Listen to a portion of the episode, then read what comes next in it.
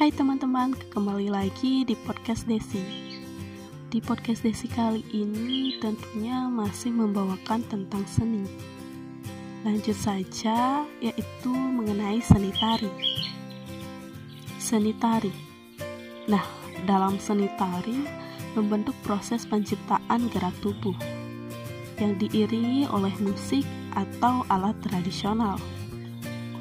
Dalam seni tari, tentunya dapat memberikan sebuah gambaran kehidupan manusia. Dan selain itu, seni tari dapat mengekspresikan perasaan melalui wajah dalam menampilkan pertunjukan seni tari tersebut. Banyak jenis tarian yang ada di daerah Nusantara. Namun di podcast Desi kali ini akan membawakan mengenai seni tari yang ada di Bali. Jenis-jenis tari Bali mencangkup tari tradisional, yang mana tari tari tradisional ini mengandung nilai dan tarian sudah berkembang di zaman dahulu. Namun tarian tersebut masih ditampilkan atau masih dibawakan. Tari yang dikreasikan dalam arti tradisional dapat menciptakan kreasi. Berbicara seni tari, saya, Desi Anggarini, mempunyai ketertarikan atau hobi dalam seni tari. Kurang lebih sejak umur 7 atau 8 tahun saya memasuki sebuah sanggar. Nah, rasanya sangat berat. Memulai tari tari-tarian dari awal apalagi melihat teman yang ada di dalam sanggar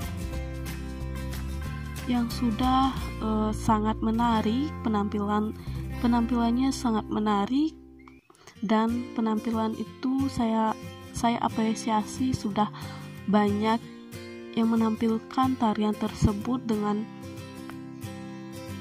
dalam sanggar tersebut tentunya saya masih belajar. Namun mengenai seni tari saya memiliki komitmen. Saya harus bisa seperti yang teman-teman lain. Mengenai belajar tentunya eh, saya ingin mewarisi warisan yang dimiliki oleh nenek saya. Beliau adalah begitu hebat dan terkenal di wilayah saya. Di wilayah saya yaitu di desa Ketewel Singaraja Bali.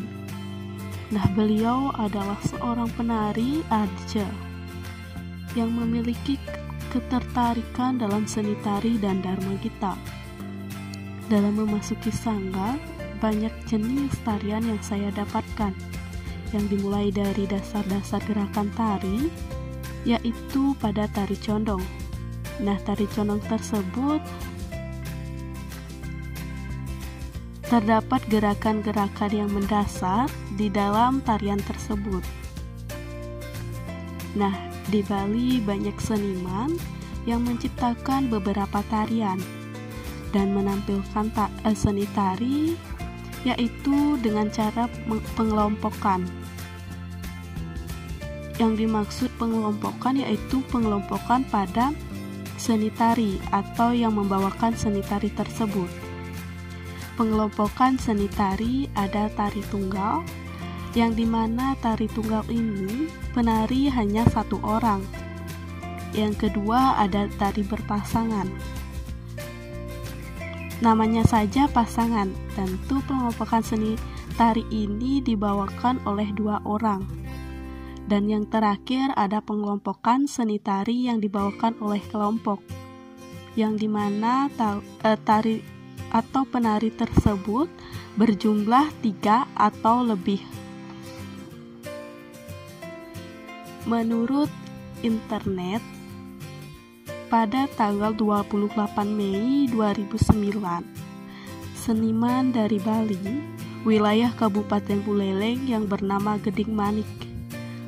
Beliau adalah pencipta tari Bali dan tari Cendrawasih yang di mana beliau menampilkan pertama kali di subdistrik yang berada di daerah Sawan pada tahun 1920-an. Di wilayah Sawan ini tentunya ada perbedaan mengenai seni tari yang umumnya ditampilkan oleh si penari. Namun, tari cendrawasih ini mempunyai khas buleleng yang tercipta sebelum Swasti Wijaya Bandem menciptakan tari cendrawasih pada tahun 1987.